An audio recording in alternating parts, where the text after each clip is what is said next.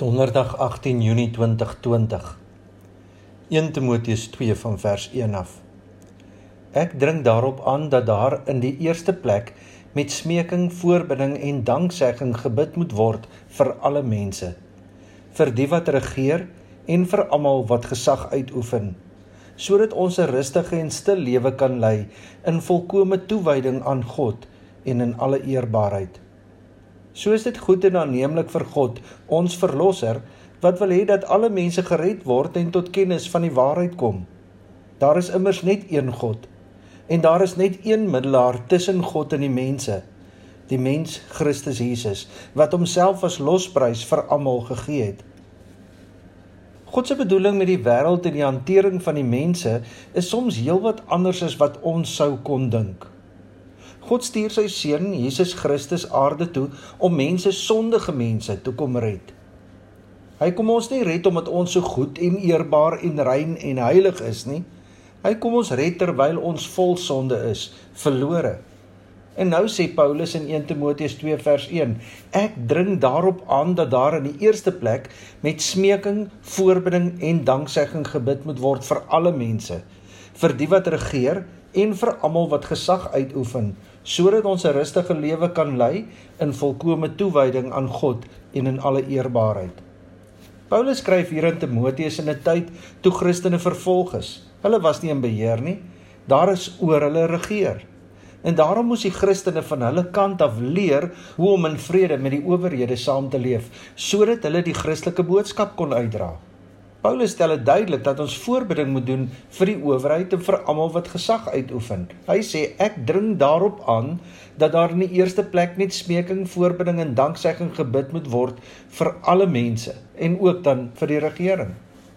Paulus beklemtoon drie aspekte van gebed en ek dink dat ons daarop moet fokus. Smeking, voorbereiding, danksegging. Smeking Hier gaan dit oor alles wat nog voor die Here reggemaak moet word. Jy tree by God in vir jou en die mense rondom jou se sonde. Smeking is met ander woorde belydenis. Ek bely, ek erken dit gaan oor oorgawe. Dit gaan hier oor vergifnis en vryspraak voor God. Dan voorbidding. Nou tree ons by God in vir ons daaglikse brood, ons behoeftes, Hieronder val sake soos COVID-19, mense wat seer, honger, eensaam, siek en so meer is. Jy tree dus namens ander in. Dit gaan hier oor ons afhanklikheid van God en dan danksegging. Jy dank God vir sy genade. Jy sê vir God dankie vir elke seëning uit sy hand.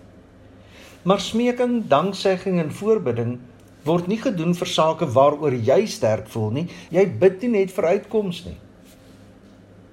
In Paulus se tyd is die Christene deur die owerheid vervolg en tog sê Paulus dat hulle vir die owerheid moet intree. Paulus sê dat alle Christene vir die owerhede en vir almal in gesagsposisies moet bid. Hy sê ek dring daarop aan. Hoekom? Sodat daar vrede kan wees, sodat ons 'n rustige lewe kan lei. Met ander woorde, sodat ons op die regte dinge kan fokus, ons lewe voor God. Jy tree by God vir hulle in sodat ons kan fokus op ons geloof sodat ons ons geloof prakties kan uitleef sodat ons kan leef in volkomme toewyding aan God. Daar is baie mense wat nou eers weer besef hoe belangrik God godsdiens in die kerk en hulle lewens was of behoort te wees. En dit gebeur die oomblik toe hulle nie meer kon gaan nie. Hoe lank gaan mense met toewyding deel wees van hierdie liggaam van Christus na hierdie COVID-19 ding verby is? Of gaan ons ook weer vinnig in ons ou groewe verval? Leef jy in hierdie tyd in volkomme toewyding aan God? Beplan jy om in die toekoms in volle oorgawe aan God te leef? Ons kan egter nie net vir die owerheid bid nie. Ons moet ook ons lewens aan die Here oorgee sodat ons dit wat ons glo kan uitleef. Ons lewens is 'n getuienis vir God. Ja, ons bid vir verandering in hulle lewens, maar dit begin mos by my. 1 Timoteus 2 van vers 4 af. Hy wil hê dat alle mense gered word en tot kennis van die waarheid kom. Daar is immers net een God en daar is net een middelaar tussen God en die mense, die mens Christus Jesus, wat homself as losprys vir almal gegee het. God wil hê dat alle mense gered moet word en tot kennis van die waarheid moet kom. God was, God is, God sal altyd wees. God is liefde, God is goed. God is die skepper van alles, die ware God. En ons is die beeld van God en daarom moet ons onsself aan God oorgee met ons hele wese, maar ons moet ook vir mense omgee, vir alle mense. Ons doen want God doen. God sal ons nooit vergeet nie. Jesaja 49 van vers 15 af. Kan 'n vrou haar eie baba vergeet? Haar nie ontferm oor die kind wat sy in die wêreld gebring het nie? Selfs al sou so iets kon gebeur, ek sal jou nie vergeet nie. Ek het jou naam in my handpalms gegraveer. En dit geld nie net vir jou nie, maar vir almal. God wil hulle red en ons moet daarvoor bid. God wil dat mense verander, ons moet daarvoor bid. Bid jy dat mense gered sal word? 1 Timoteus 2 vers 3 en 4. So is dit goed en aanneemlik vir God ons verlosser wat wil hê dat alle mense gered word en tot kennis van die waarheid kom.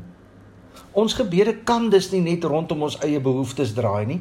Dan fokus jy nog net op jou eie behoeftes en nie op God se wil dat ander mense ook gered sal word nie. Ons moet God begin vertrou. Hy sê tog vir ons: "Soek allereerst die koninkryk van God en al hierdie dinge sal vir julle gegee word." En daarom kan ons ook vir hierdie ander dinge bid. Vertrou vir God. Hy sal jou vashou, hy sal jou versorg soos Matteus 6 van vers 25 af sê. Daarom sê ek vir julle, moet julle nie bekommer oor julle lewe, oor wat julle moet eet of drink nie, of oor julle liggaam, oor wat julle moet aantrek nie. Is die lewe nie belangriker as kos en die liggaam as klere nie? Julle moet julle dus nie bekommer en vra wat moet ons eet en wat moet ons drink of wat moet ons aantrek nie. Dis alles dinge waaroor die ongelowiges begaan is. Julle hemelse Vader weet tog dat julle dit alles nodig het. Nee, beywer julle allereers vir die koninkryk van God en vir die wil van God, dan sal hy julle ook al hierdie dinge gee. Omdat ons as Christene dis seker is dat God vir ons alles gee wat ons nodig het, kan ons mos in ons gebede soveel meer fokus op ander. Kom ons bid saam. Vader, daar is soveel mense wat hulle hoop soek in die wêreldse dinge. Mense se waardes, behoeftes en begeertes draai om hulle self. Ons bid dat hulle dat ons sal breek uit die mag van die eie ek. Dat ons sal besef dat ons van U afhanklik is en daarom Vader bely ons ons sondes voor U. U ken ons harte. Maak ons skoon. Vader, ons tree in vir die wat regeer en vir almal wat gesag uitoefen, sodat ons 'n rustige en stil lewe kan lei in volkomme toewyding aan U en in alle eerbaarheid.